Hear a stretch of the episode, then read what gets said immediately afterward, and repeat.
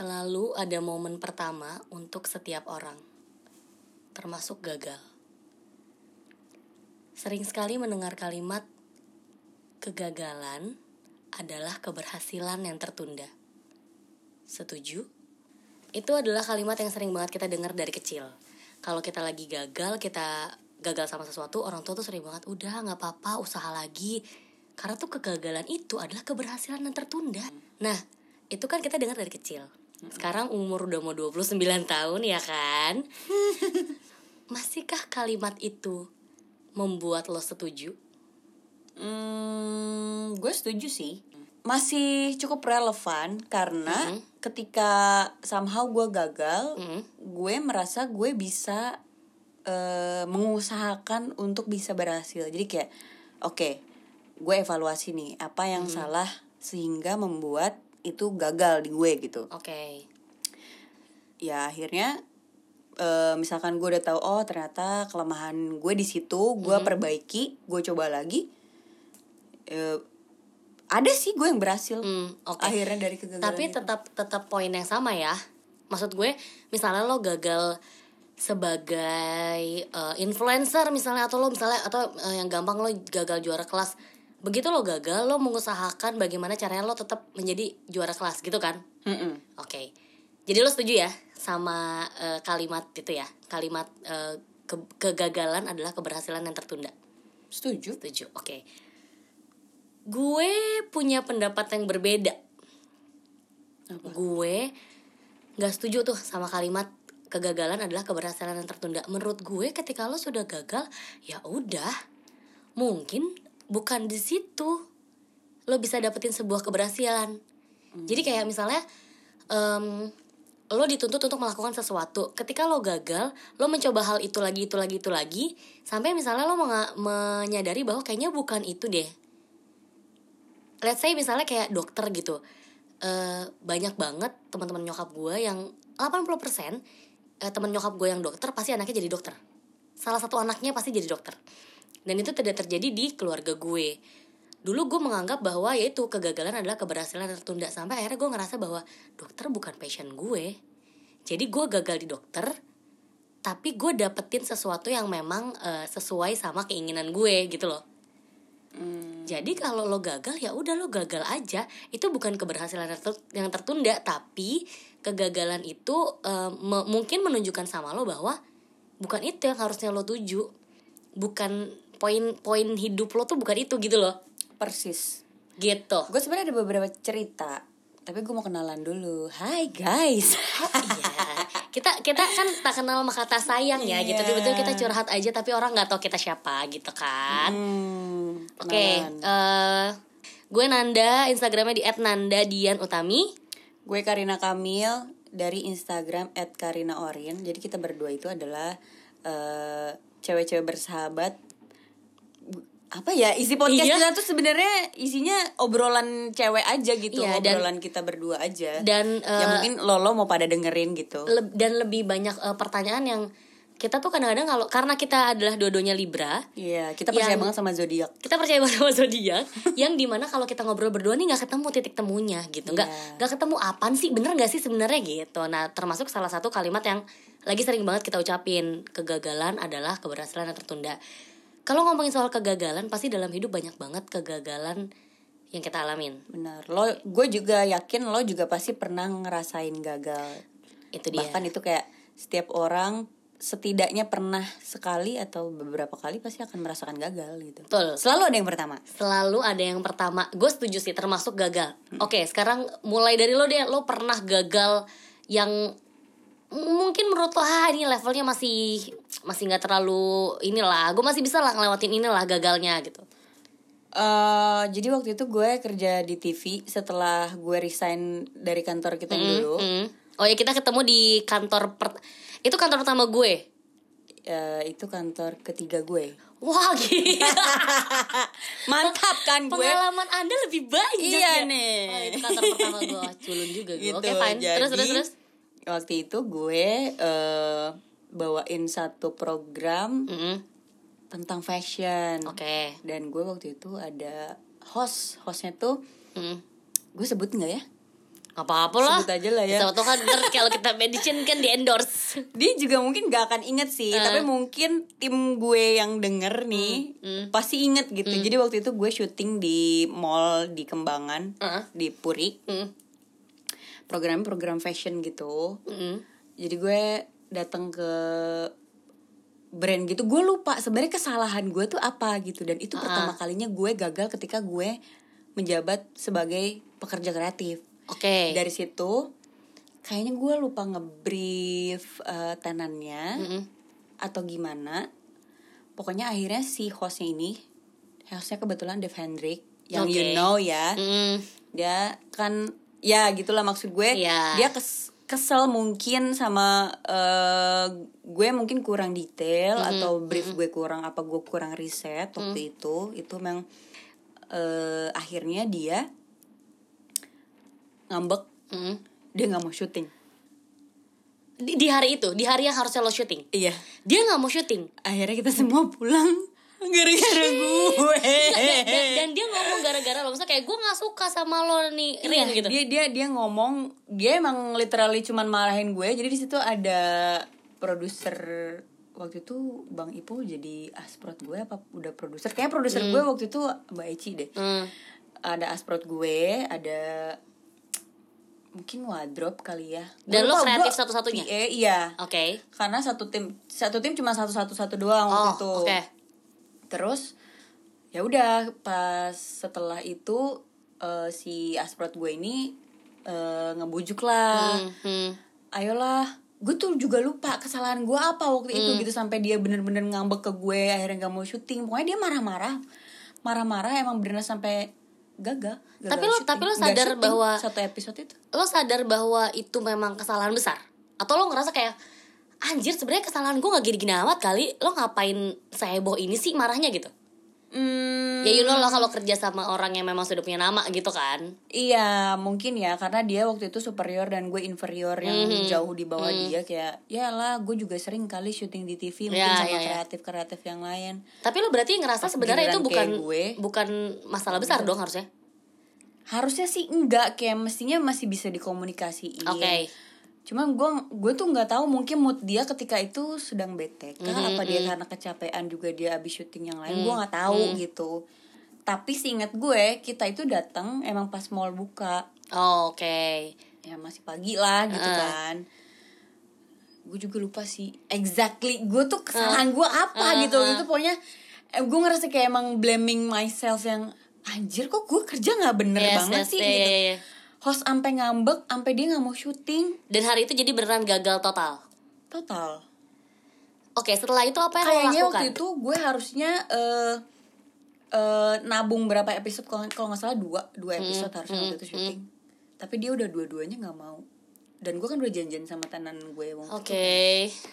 Eh oh gue inget jadi waktu itu fashion police gitu Heeh. jadi kita mesti nyamperin orang terus kayak ngomentarin gitu gitu Oke, kan fashionnya si orang itu. Heeh. Oke. nah udah gue lupa cerita bukan detailnya pas bagian segmennya si Dev Hendrik ini dia harus sebagai fashion police gitu Nah, eh, apa yang lo lakukan? eh, ya lo kan itu ya, hitungannya tuh gagal lah buat lo gitu. Terus apa yang lo lakukan untuk memperbaiki itu? ya gue apa ya gue belajar sih. Mungkin ketika itu gue kurang detail atau mungkin gue kurang riset Yep. atau brief gue mungkin kurang jelas. Ya gue belajar dari pas ketika hari gue gagal itu hmm, pas syuting lagi di kemudian hari ya gue lebih mempersiapkan itu dengan lebih matang mungkin gitu. Itu kegagalan yang menurut lo masih bisa ditoleransi lah, Mas yang kayak oh ya udah lah ya gitu kan. Yang Iya, yang nggak maksud gue nggak nggak nggak terlalu membuat yang trauma trauma berkepanjangan gitu loh.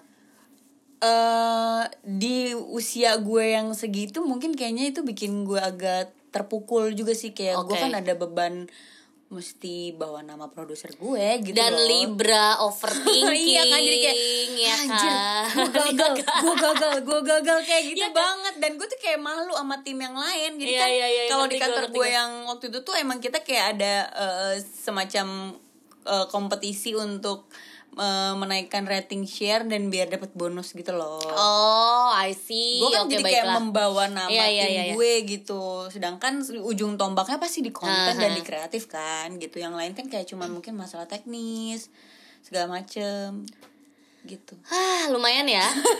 gue pelik pada waktu itu gue usia berapa ya kayaknya 20 2014 2013 gitu umur berapa sih 22 nih Iya dua dua satu dua. dua ya dua segitulah segitulah pokoknya. Dua duaan lah berapa sih kita?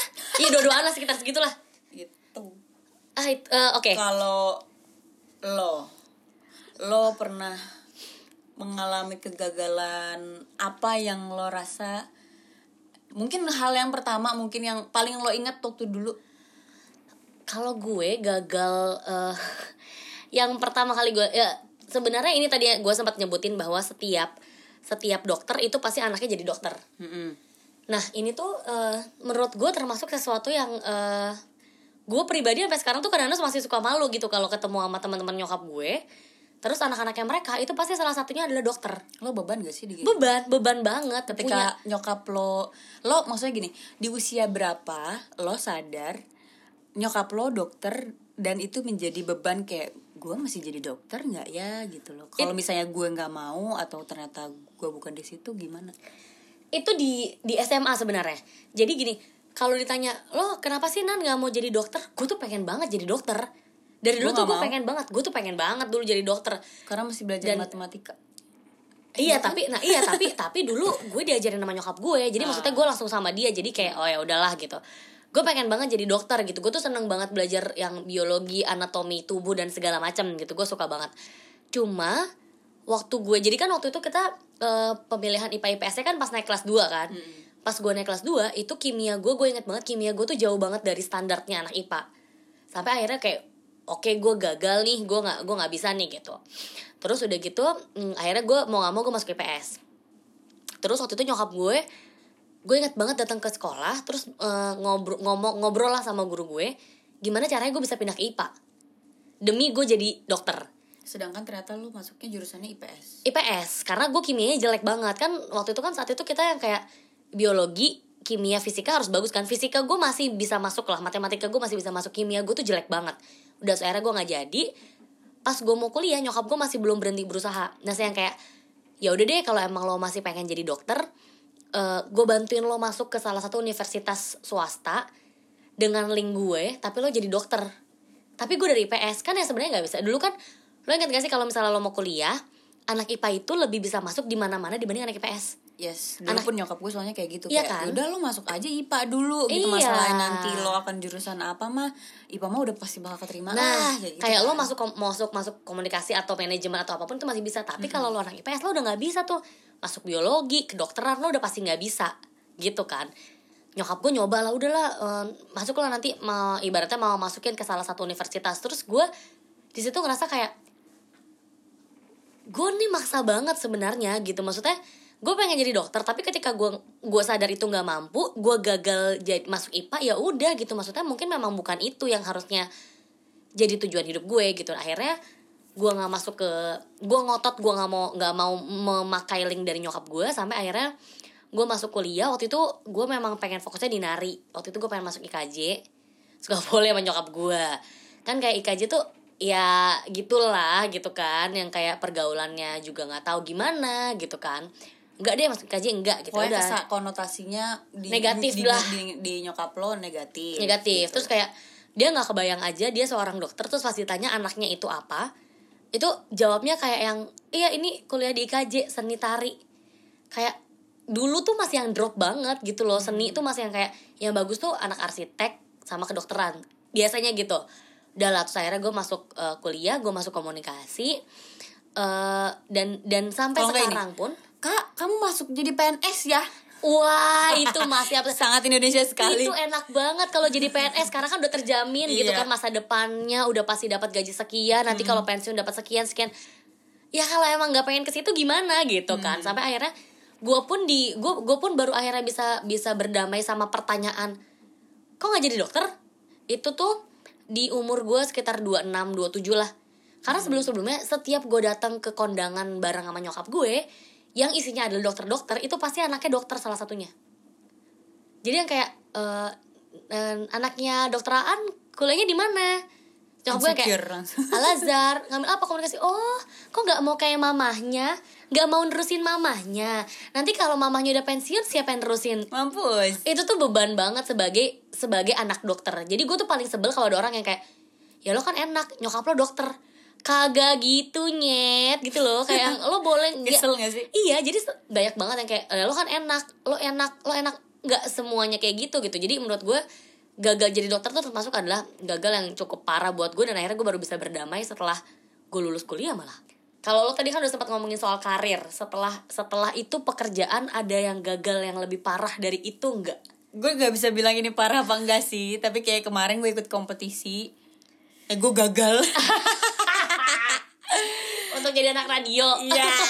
Eh, jadi podcaster. Tapi Oh, iya, iya, kita iya. bikin podcast nih. Iya, iya, Jadi iya, kemarin gue kan ikutan kompetisi Gue anak radio. Mungkin yang udah follow Instagram gue Dan teman gue sekarang yang lagi dengerin Mungkin tahu lah ya Hmm. gitu. Jadi kemarin gue ikutan kompetisi eh, yang gue mau ikut tapi nggak bisa karena gue iya, dari karena dia kompetitor ya. head to head Gak bisa cuy. Sebel banget gua. sebel banget. Terus terus terus. Ini tuh ajang ajang yang dibikin sama Mahaka Radio Ah, Integra Group of Radio beberapa radio ada Jakis dan lain-lain. Ini bukan adlib ya. Ya tapi Gitu. boleh lah masuk lah. Nah jadi mereka tuh mencari tiga kategori. Ada news presenter ada podcaster sama announcer. Hmm. Oke.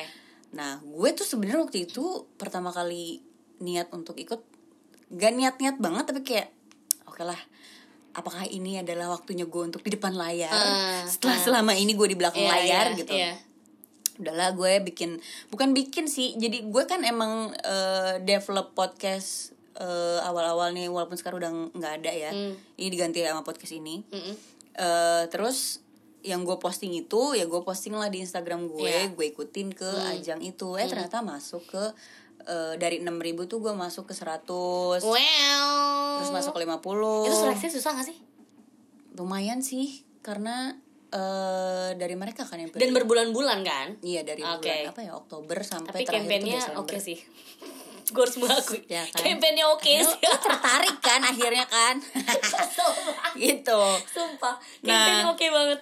terakhir gue masuk sampai ke final eh, 25 besar. Oke. Jadi 20 di 25 besar ini Hmm. kita emang akhirnya dipilih lah gitu untuk jadi juara per kategori. Jadi per podcast ada satu orang yang juara. Oke.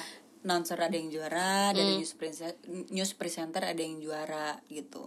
eh ya udah akhirnya gue cuman mentok di 25 besar. Tapi tidak itu- kecewa sih karena akhirnya untuk mendevelop podcast ini pun bareng lo gitu Hmm. gue punya bekal yang gue dapetin ketika di gue anak radio kemarin bagus Gitu kan. jadi ada ilmunya Heeh, jadi jadi, kita nggak mentang-mentang nggak bego-bego Ya, amat lah kita ya ya gitu. ya ya ya. nah tadi kalau lo tadi cerita soal gimana lo udah ada di stage besar terus lo nggak dipanggil malah kayak apa gue juga 2019 ngalamin itu jadi mm, gue tuh kan ngajar nari Mm-mm.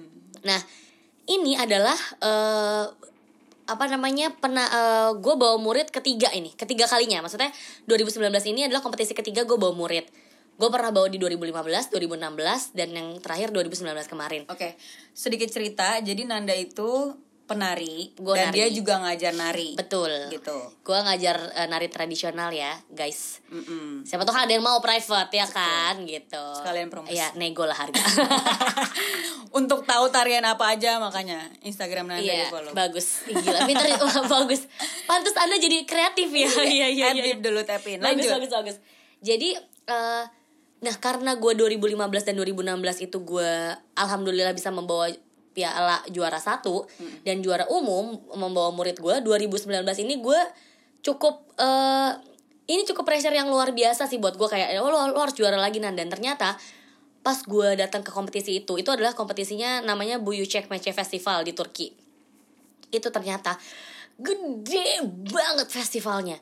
Dan ternyata festival itu adalah festival untuk penari-penari profesional Oke. Dan Gitu. sedangkan? Sedangkan yang gue bawa adalah anak-anak murid yang anak SMP SMP dan SMA gue nggak menyalahkan mereka sih gitu. Karena menurut gue dengan mereka bisa tampil di situ dan tampilnya oke itu udah prestasi tersendiri buat buat buat mereka gitu kan.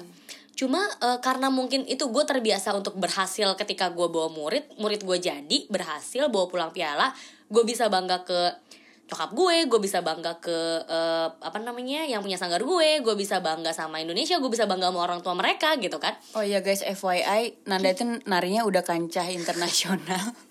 beneran, beneran, beneran. Jadi Dia udah ke Korea, ya? udah ke Cina, udah ke Istanbul, udah ke Turki. Gitu lah, Istanbul udah sama Turki kancahnya. sama tuh Oh, iya. kebetulan ya iya Libanon Maroko Lebanon, ya gue Maroko. nambahin ya Heeh. gitu terus jadi kayak eh nah terus jadi gue dari awal begitu gue liat kompetisi ini gue ngerasa kayak wah nih kayaknya lebih ke em, penempatannya aja yang kurang tepat gitu loh anak-anak gue ditempatkan di kompetisi yang luar biasa parah eh, luar luar biasa besar gitu kan. Sampai akhirnya pas eh, closing ceremony gue ada di atas itu. Jadi gue ikut bantuin mereka nari. Gue ada di atas itu dan lo harus tahu itu tuh diumuminnya di layar-layar segede-gede gaban. Megatron. gede banget neng. Dan itu kayak yang nonton tuh kayak ada kali 500an orang. Wow. untuk nonton opening ceremony itu dan diumumin. Dan gak ada satupun dari eh, kategori dari dari sekian banyak kategori yang ada di eh, kompetisi itu gak ada satupun bendera Indonesia keluar di layar besar. Gue beneran kayak lo bayangin gue Lo- harus lo, lo apa ya maksudnya apa yang lo lakukan untuk merangkul anak murid lo semua? Yang pasti gue kan ketawa. sedih kan? Gue ketawa karena mereka pasti sedih tapi kan mereka nangis mereka nangis. Terus gue cuma kayak it's okay it's okay tenang aja ini eh, ini ada gue lupa ya sekitar 22 negara singkat gue. Ada 22 negara yang menang itu cuma tiga negara jadi kita bersama 18 negara lainnya kita nggak menang. Nggak apa-apa yang namanya kompetisi kan pasti ada menang ada kalah. Maksudnya kalau emang lo nggak menang ya lo kalah. Ya udah nggak apa-apa. At least kan lo tahu kekuatan diri lo. Gue bisa ngomong gitu depan murid-murid gue hmm di belakang. Nangis gue malu anjing. Nangis sih enggak neng. Cuma malu aja gitu karena kan kayak jujur aja gue pakai ID card gue pakai ID card gede dan di situ tuh tulisannya coach. Indonesia berarti ini coach. kegagalan pertama sebagai coach. Sebagai coach. Dan Pertama. jujur pertama. Hmm. dan jujur aja kalau di Indonesia yang ya udah lah gue udah kayak murid gue nggak menang di lomba antar sekolah ya ya udahlah gitu. Tapi ini oh, mainannya udah internasional maaf. Ini ini kayak malu bo. Kayak persiapan lo sekian bulan terus kayak lo kasarnya gue pamer ke banyak orang nih gue Ah, bawa bener, murid dan segala macam terus tiba-tiba murid gue bahkan nama Indonesia aja tuh nggak kesebut sedikit pun gitu kayak wah gila gue gagal. Terus gue kayak jujur aja gue kepikiran waktu gue mau pulang gitu ya. Di setelah setelah acara itu kan besokannya kita sempat ada tour gitu. Itu gue biasa aja tuh beneran yang biasa aja. Terus pas gue di pesawat mau pulang itu baru gue yang kayak ah gimana ya gue ya? Turun dari pesawat gue harus ketemu sama orang tua orang tua anak eh, murid gue. Iya, gue iya, harus bener-bener. ketemu sama pihak sekolah dan gue harus bilang bahwa kita nggak bawa apa-apa Beban sedangkan gue harus buat anak murid Iya, sih. gue harus kayak gue harus menguatkan diri gue cuma kayak gue pikir oh ya udahlah gitu. At least gue akhirnya merasakan gimana gue beneran yang malu banget di depan situ gitu. Cuma ya ya ya ya udahlah gitu. Gue kan nggak bisa ngapa-ngapain juga. Karena memang gue akuin kompetisi itu eh, terlalu besar lah untuk anak-anak untuk anak-anak seusia anak-anak gue gitu. Tadi di depan berapa orang? Lima ratusan lah. Gue pernah di depan seribu orang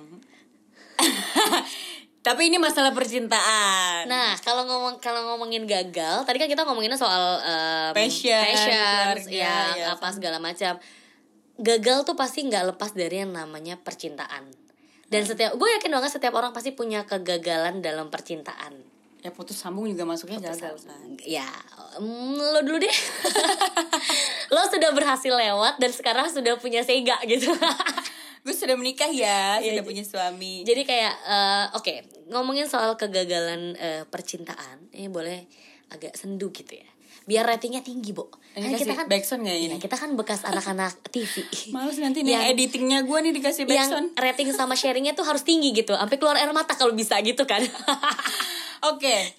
Eh, Gimana percintaan ngomongin lo? percintaan. Kalau percintaan kan kayak cuman sebatas pacaran ya biasa aja lah. Iya. Maksudnya kayak ya lo putus, lo move on, lo pacaran lagi gampang gitu. Tapi kalau misalnya lo pu- putusnya tuh ketika di level lo mau nikah itu kayak Gagal nikah lah ya. ya bisa dikatakan lah gagal nikah lah gitu.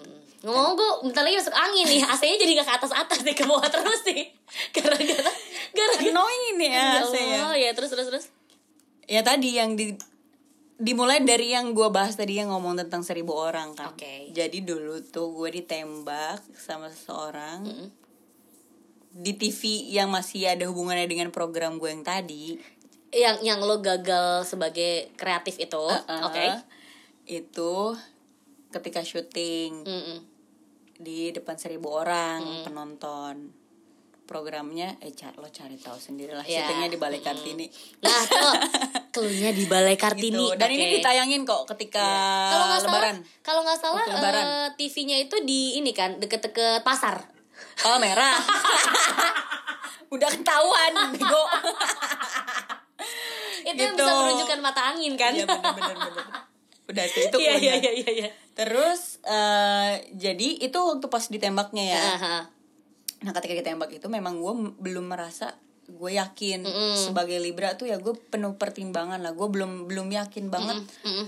gue gue nggak nih sama orang ini gitu walaupun sebenarnya emang dia di awal udah pernah sempet deketin gue dan gue sebenarnya udah mutus untuk ignore dia kayaknya gue nggak deh nggak nggak tertarik nih sama orang ini gitu. karena bukan tipe lo bukan dari situ sih sebenarnya tipe gue tuh juga random. Oke. maksud gue gue tidak bisa menyimpulkan dia bukan tipe gue ketika gue juga belum open sama dia. Ibaratnya gue belum mencari tahu orangnya kayak gimana gitu gue belum jalan bareng. Ibaratnya gue belum belum cari tahu dia sematch apa sama gue kok gue bisa bilang dia bukan tipe gue gitu walaupun eh, kalau misalnya cuma dari sekedar penampilannya gitu Tapi waktu dia akhirnya menyatakan perasaan lo, perasaannya dia ke lo di depan banyak orang, lo udah udah udah udah penjajakan dong.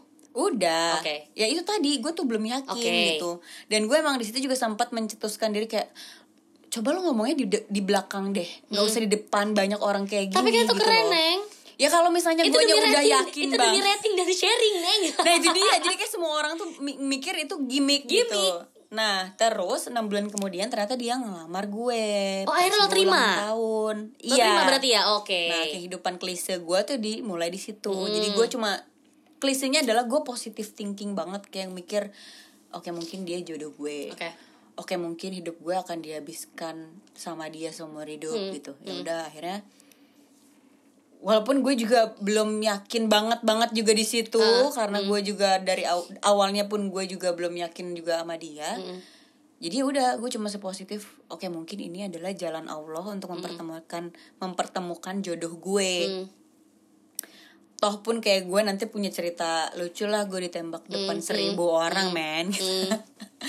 gitu terus setelah setelah kan gue dilamar eh, pas ulang tahun pas 26 Oktobernya itu gue dilamar. Eh Jadi- bukan bukan lamaran, lamaran resmi ketemu keluarga besar. Jadi eh, berapa bulan dari dia nembak lo dan akhirnya lo eh, lo mau sama dia terus sampai lo lamaran?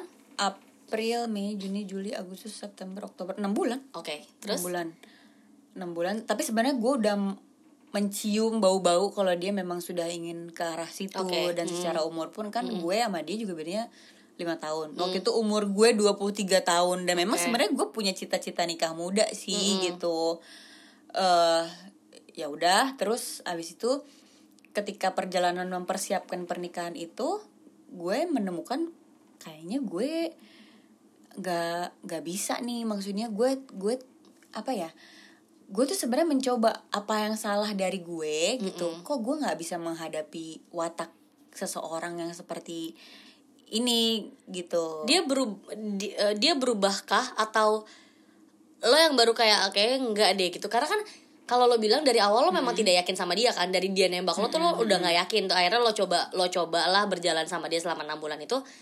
Akhirnya lo memang tidak makin tidak yakin atau ada ada sifat atau watak dari dia yang baru lo sadari bahwa nih kayaknya nggak bisa di ke gue gitu? Baru ketahuan sih pas emang pas eh, setelah lamaran sih gitu. Akhirnya gue jalan.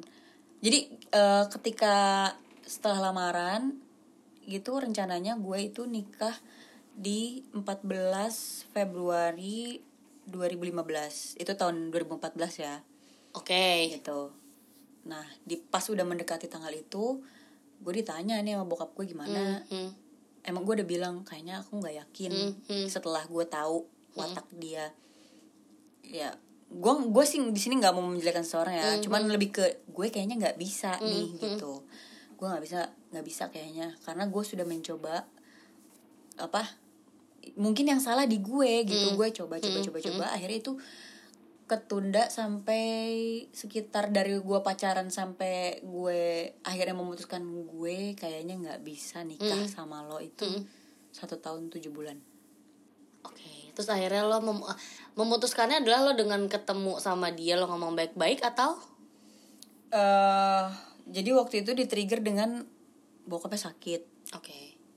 terus dia ngebawa omongan kalau kayaknya pengen buru-buru kita nikah deh gitu kan. Terus kok gue kayaknya dipres dipres melulu. Maksudnya ayo eh dipush mulu ayo ayo dong nikah gitu. Hmm. tapi gue belum lagi-lagi gue setiap kali gue selalu mencoba mencoba terus gue kayaknya nggak bisa gitu ngadepin dia. Karena ketika pas gue ulang tahun pun itu gue berantem gede banget dan gue udah mau mengakhiri. Tapi setiap karena dia bintangnya Leo ya. Jadi gue kayak gue nggak bisa nih mengakhiri hubungan. Gue takut gue ceplosan. terus terus. gue nggak bisa meng- meng- mengakhiri hubungan ini kalau ketemu sama dia. Karena eh, Leo kayak gitu lah ya gitu ya, ya, ya, ya. gue takut sakit hati gitu kalau misalnya ke- dia ngomong satu hal yang sarkas banget Oke. ke gue dan memang kenyataan kayaknya gue tidak tidak menstereotipkan Leo Ah, tapi Leo yang gue hadapi adalah yang seperti itu gitu terus di situ gue memang jadi ngerasa gue kayaknya manusia yang paling egois deh karena apa ya eh, menurut gue kebahagiaan seseorang itu tidak bisa digantungkan pada orang lain. Mhm. itu ada di tangan diri lo sendiri. Di saat itu ya gue memilih kayak kayaknya gue gak bisa. Dan gue ngerasa gue bisa memilih kebahagiaan gue apa sendiri gitu. Oke. ya kan kalau nikah kan lo setiap bangun tidur setiap saat lo bisa harus ketemu sama dia kan gitu bisa nggak lo gitu sama orang ini Terus apa yang apa apa yang lo rasain setelah akhirnya lo nggak sama dia?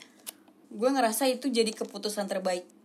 Gue tidak merasa apa ya ya mungkin gue mengecewakan banyak orang gitu ya. Tapi gue nggak ngerasa sedih karena gue ngerasa sepertinya setelah gue mendapatkan semua hikmahnya gue sampai di hari ini gitu Hmm. ya itu adalah kegagalan yang menurut gue ya keputusan terbaik di hidup. Kebetulan gue juga nggak tahu kok bisa gitu. Gue sahabatan sama si Nanda dan dia juga harus ngerasain hal yang sama.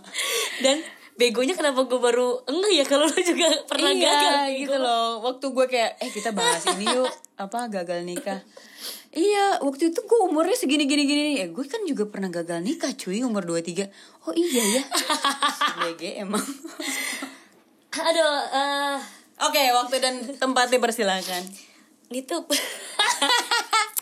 Jadi gini, em, kalau dia denger ya gitu, gue gua akan selalu bilang kan bahwa gue nanti share di Instagram gue Oh, iya, ya iya, iya. pasti- dia pasti bakalan penasaran dia ngomongin Iya, iya, apa iya. nih gitu. gue gua akan selalu bilang bahwa eh, dia adalah salah satu salah satu em, pemberian Tuhan terbaik di hidup gue. Oke. Dan itu eh, sampai sekarang. Dia adalah salah satu pemberian Tuhan terbaik di hidup gue dan itu tidak berubah. Sampai sekarang. Eh oke. Gue bingung mulai dari mana. Ini jadi deep beneran ya. Jadi gini em eh, gue em, kalau mau nangis boleh loh. Biar ratingnya tinggi ya. Siapa tahu episode pertama kita kan langsung nanti kan bagus kita gitu. potong nih di di posting di feed Instagram yang bagian nangisnya Nanda. Jadi kayak orang ini si orang sama Nanda ngomongin apa gitu. Lanjut. Ya pokoknya gue sih selalu bersyukur bahwa Tuhan pernah eh, pernah hadirkan dia di hidup hadirkan lo. dia di hidup gue. Em, karena dari dia gue belajar banyak hal banget Eh, bukan cuma soal bagaimana gue harus berkata jujur bagaimana gue harus mengakui sebuah kesalahan tapi bagaimana juga gue harus menerima keputusan seseorang dan gue harus menerima bahwa tidak semua orang bisa sependapat sama gue. Jadi em, em, gue pacaran ya lo tau lah ya silsilah perjalanan cinta gue dari yang sebelum sebelumnya sampai akhirnya gue menemukan si orang ini gitu. Jadi gue pernah pacaran gue pacaran sama dia empat tahun terus gue juga ketemunya waktu itu sengaja tidak sengaja sih maksudnya gue uh, teman gue ya memang waktu itu gue mau ketemu sama teman gue yang ternyata teman dikenalin dia temen juga lo kan? dikenalin tapi bukan bukan yang gue ketemu sengaja buat sengaja buat di- dikenalin oh. enggak gitu terus akhirnya gue menemukan eh, terus akhirnya dia ya kita komunikasi dan segala macem dan dia adalah orang pertama yang berani ngomong sama nyokap gue bahwa em, istilahnya dia mau bertanggung jawab lah sama gue gitu terus kita jalan 4 tahun eh kita nggak pernah berantem sama sekali gue juga sih Nah, ada yang bilang bahwa mm, Nggak pacaran sehat. lo nggak sehat. Masa lo nggak mungkin nggak berantem sama sekali gitu. Ada yang bilang kayak gitu. Eh, tapi buat gue ketika lo berantem kan lo harus punya alasan kenapa lo berantem ya nggak sih? bener Kayak lo mau makan, lo lo lapar, makanya lo makan gitu kan. Lo kerja, lo mau kerja karena lo butuh duit gitu kan. Sama aja kayak ngapain gue jadi lo kerja bukan karena passion tapi karena bu Karena butuh duit gue Kalau gue gak bisa jalan-jalan. Tetep ya Tetep. Pokoknya utama gue adalah jalan-jalan lah. Pokoknya tumben lo jadi libra yang realistis. Nah itu dia. Cuma ini doang yang lainnya enggak Kebanyakan pakai hati cuy. Iya makanya kan. Ah.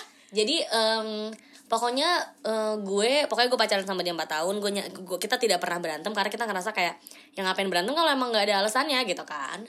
Sampai akhirnya eh, gue melakukan sebuah kesalahan ke dia. Gue selalu tiap eh, tiap yang bertanya sama gue em, lo eh, apa namanya siapa yang salah? Kenapa lo udah lo udah mau nikah? Lo udah lo udah lamaran? Lo udah kenal sama keluarga besar terus lo nggak jadi nikah tuh siapa yang salah? Dan gue eh, gue dengan gue dengan eh, segala kerendahan hati dan s- ya segala macam lah gitu gue akan bilang bahwa gue yang salah gitu. Gue yang salah. Jadi ketika akhirnya sekarang gue melihat dia bersama orang lain ya gue cuma kayak ya he deserve better gitu dibanding gue. Karena gue sudah menyakiti dia dan dia layak dapat orang yang eh, bisa menjaga dia lebih dari gue gitu. Em, gagal paling besar di hidup gue menurut gue salah satunya adalah dia oke jadi eh, 2019 gue bisa bilang bahwa itu adalah tahun kelam buat gue, tahun yang hi- hitam banget deh buat gue gitu, hitam banget buat gue. Jadi gue mm, gue kehilangan dia yang gue tidak gini. Jadi gue merasa bahwa ketika gue menikah, gue harus bisa jujur 100% sama pasangan gue. betul Begitu gue dan menurut gue tidak adil ketika sahabat gue tahu soal kesalahan gue, soal ya ya kejahatan gue lah terhadap si pas, mantan pasangan gue ini. Tapi dia orang yang mau seumur hidup sama gue dia nggak tahu. Menurut gue itu nggak fair. Jadi akhirnya gue memutuskan untuk ngomong lah sama dia bahwa eh, calon istri lo ini punya salah lah gitu, punya salah dan segala macam. Ah, ya akhirnya dia nggak bisa ya ya dia dia mm, dia punya dia punya hak untuk akhirnya tidak tidak bersama gue lah gitu eh akhirnya gue gue bingung mulai dari mana kan waktu itu karena kayak begitu gue udah nggak sama dia eh gue kayak gue kayak ada di dalam kotak yang yang yang gue nggak bisa ke mana-mana gitu. Kayak lo ditempatin lo gini gue tuh ngerasa saat itu dunia gue cuma hitam dan putih.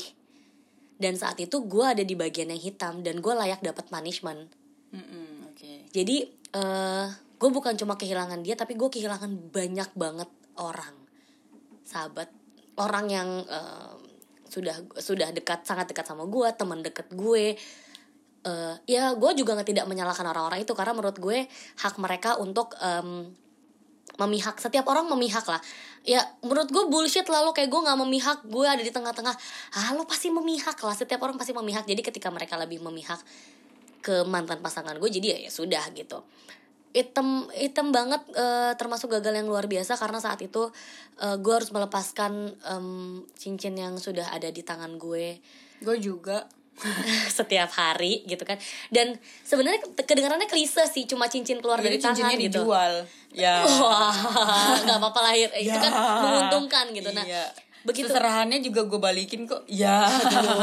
Dijual juga kagak, kagak ya. bakal dipakai juga sama lu biar lebih eh tapi waktu itu gue mau sepatu Adidas sih dia nggak ngasih. lebih bermanfaat. Wah, serius dapet sepatu Adidas? Iya. Terus balikin ada, dia? ada high high Oh my gitu loh. Itu lucu God, eh. banget. Terus jadi dijual sama dia? Ya, dijual lah. Ya udahlah ya beli lagi lah ya gitu kan gitu. Jadi 2019 tuh hmm, adalah tahun yang eh, itu itu adalah kegagalan gue yang menurut gue luar luar biasa parah banget gitu. Karena uh, selesai setelah kejadian itu gue sibuk dengan menyalahkan diri gue sendiri. Gue sibuk uh, bertanya sama diri gue sendiri kayak lo Berarti kenapa? lo nyesel nggak? Lo nyesel nggak? Gini gue mel, uh, gue melakukan kesalahan itu gue sangat menyesal. Tapi berkata jujur sama uh, sama dia tentang apa yang gue lakukan gue nggak nyesal. Karena uh, karena akhirnya gue akhirnya gue uh, menyadari bahwa omongan nyokap gue soal semua orang bisa jadi orang baik tapi tidak semua orang bisa jadi orang jujur. Tidak semua orang berani untuk berkata jujur ketika dia posisinya salah. Gini maksudnya gini kalau lo putus sama mantan lo mantan lo yang salah lo bisa berkoar-koar depan semua orang. Benar. Dia yang salah dia yang egois dia yang ina itu ina itu. Lo pasti dengan mudah cerita sama orang. Tapi ketika lo putus sama pasangan lo dan lo tahu betul bahwa lo yang salah. Tidak mudah untuk keluar dari mulut lo ke orang gue yang salah. Iya. Dan gue pun kayak gitu. di, di di podcast nih? Gitu. Anjay. gitu. Jadi jadi eh, keren lo menjadikan ini gua- konten. Karena karena gue beneran yang belajar banget neng. Gue beneran yang belajar banget dan dan akhirnya gue menyadari bahwa eh, circle gue semakin kecil tapi semakin berkualitas. Gue kehilangan begitu banyak orang-orang gue kehilangan begitu banyak teman begitu banyak keluarga dan segala macam tapi Tuhan kasih ke gue orang-orang yang ya udah gitu maksudnya layak ada di gue dan dan gue sih paling pengen pengen ngasih tahu aja gitu bahwa tadi gue setuju sama sama kutipan lo yang eh, kebahagiaan lo itu bukan ada di orang lain Betul. gitu karena gini itu adalah tanggung tanggung jawab diri lo sendiri Iya dulu dulu gue akhirnya menunda untuk eh, berbicara jujur itu karena gue berpikir banyak orang yang harus gue jaga perasaannya. Tapi sampai akhirnya em, eh, di momen yang gue ngerasa kayak gimana gue bisa bahagiain segitu banyak orang ketika gue sendiri nggak bahagia. Karena karena ada gue inget banget ada satu kutipan dari salah satu teman gue, salah satu sahabat gue juga yang kayak ketika gue lagi jatuh-jatuhnya terus dia cuma bilang gini, ndak lo baik, dia baik, tapi mungkin kalian nggak baik kalau sama-sama. Anjir berat banget. atau mungkin saat ini kalian Dalem. kalian sa- tidak tidak baik kalau kalian sama-sama. Jadi mungkin lebih baik kalau kalian masing-masing. Gue kayak di situ menyadari bahwa oh ya memang. Dan dan dan susah banget gitu loh. Maksudnya gini lo memaafkan akhirnya gue menemukan bahwa lo memaafkan orang jauh lebih akan jauh lebih mudah lo memaafkan orang dibanding lo memaafkan diri sendiri. Akan jauh lebih mudah lo untuk menge- bilang ya maksudnya lo bilang bahwa orang salah itu tuh mudah banget lo bilang lo lo nunjuk orang salah lo mudah banget. Tapi ketika lo bisa dengan eh, rendah hati untuk ngomong oke gue salah gitu. Karena waktu itu nyokap gue cuma yang kayak oh ya udah kalau lo salah lo akui aja gitu.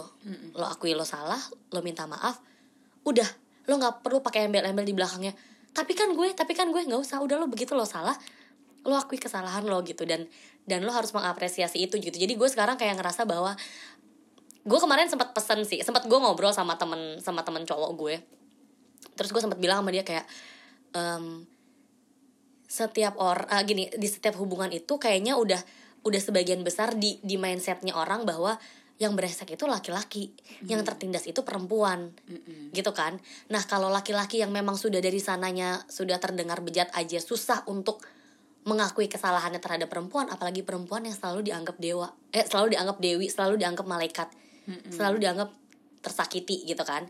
Nah ketika perempuan ini bisa ngomong jujur sama lo eh, bisa ngomong jujur sama lo mengakui kesalahan dan berjanji untuk tidak melakukan itu lagi menurut gue itu adalah sesuatu yang seharus sangat diapresiasi karena akhirnya perempuan yang dielu-elukan sama semua orang tuh bisa bisa jujur sama lo soal kesalahan gitu loh. Itu tuh nggak gampang menurut gue gitu. Jadi jadi kayak eh, akhirnya gue percaya bahwa kebahagiaan lo bukan tanggung jawab orang lain kebahagiaan orang lain bukan tanggung jawab lo. Jadi eh, gue gue kayak menurut gue kayak udah that's kind of bullsh- bullshit kalau misalnya dia tuh paling ngerti gue gue tuh paling ngerti dia. Gue kayak enggak yang paling ngerti lo tuh lo. Karena lo tahu apa yang lo mau dan lo bilang sama pasangan lo Nah. gue maunya ini begitu. Dan itu pun yang gue lakukan ketika udah menikah sih. Nah itu. Jadi gue menurut gue em, dan dan dari dulu kan kita ter, terpa, ter terpatok sama kayak lo kan baik-baik aja lo tenang aja lo nggak boleh sedih lo harus nggak bisa lo harus acceptance. Ketika lo sedih sedih. Iya. lo bahagia bahagia. Itu jangan denial. Itu jadi jadi gue setahun kemarin tuh berusaha untuk eh, berdamai dengan kegagalan terbesar dalam hidup gue. Kegagalan terbesar dalam hidup gue bukan eh, bukan em, bukan akhirnya gue nggak jadi nikah ya tapi justru gue merasa bahwa kegagalan terbesar gue adalah tidak bersama dia sekarang. Itu adalah kegagalan terbesar gue jadi kayak gue pikir sampai akhirnya gue bisa menerima ya sudah gitu dia sudah. Gue lihat dia happy sama orang lain gue ngerasa dan gue masih bisa gue masih bisa gue bilang gue sayang sama dia as a person gitu. Maksudnya bukan yang sayang gue pengen pengen gimana gimana lagi yang ya udahlah itu udah udah jalan kita masing-masing. Tapi gue ngerasa kayak ya this is unconditional love aja gitu. Jadi buat gue eh, gagal yang paling terparah tuh ya ya tidak bersama dia sekarang. Dan gue yakin sebenarnya di luar sana tuh banyak yang lebih pelik ceritanya dari kita berdua. Ibaratnya gini kita berdua masih di tahap yang belum sampai ke H min ya ya ya tiga minggu menikah Iya, gitu ada juga kan. bahkan yang besoknya nikah Nikah nggak jadi, jadi, gitu. bahkan ada juga yang akhirnya sudah berusaha untuk menjalin rumah tangga, membangun rumah tangga, terus ternyata baru menemukan ketidakcocokan betul. and then divorce gitu, jadi kayak eh bukan masih bersyukur tapi lebih ke ya sudah setiap orang punya jalannya masing-masing kegagalannya masing-masing gitu. Kalau mau saran buat orang-orang yang masih mendengarkan sampai habis gitu ya, yaitu em, beranilah untuk berkata jujur apa pun yang terjadi. Ketika lo merasa salah ya lo akui bahwa lo salah. Kalau lo kangen ya lo bilang kangen. Kalau lo benci ya nikmati kebencian lo. Kalau lo pengen nangis, pengen jatuh ya nikmatin rasa jatuh lo. Tapi lo harus ingat bahwa lo harus bangun lagi gitu. Dan itu kebahagiaan kita tuh bukan tanggung jawab orang lain, ya kalau dari Tapi- gue ya itu tanggung jawab kita. kebahagiaan itu bukan digantungkan sama orang lain tapi ya sama diri lo sendiri ibaratnya kalau kalau lo di posisi jatuh yang akan pertama kali bantu diri lo tuh siapa ya diri lo sendiri itu bukan Setuju. orang lain Dan yang tahu gimana cara ngobatin lukanya ya lo, bukan orang karena lain. kan ibaratnya kita minta tolong dengan karena kita tahu Yap. kita acceptance oh kita lagi jatuh oh kita sedih makanya kita bilang sama orang Yap. itulah kenapa ya itu ada tanggung jawabnya ada di diri lo sendiri Oh, satu lagi yang gue sangat-sangat eh, belajar banget dari kegagalan yang kemarin. Benar salah adalah perspektif masing-masing orang. Kan akhirnya setelah lo gagal lo mencari jalan lain kan? gimana gimana maksudnya Jadi jadi lo gagal di hal A, lo mencari lo mencari hal B gitu kan? Mm-mm. Jadi pertanyaannya adalah lo masih percaya gak sih kalau kegagalan adalah keberhasilan yang tertunda?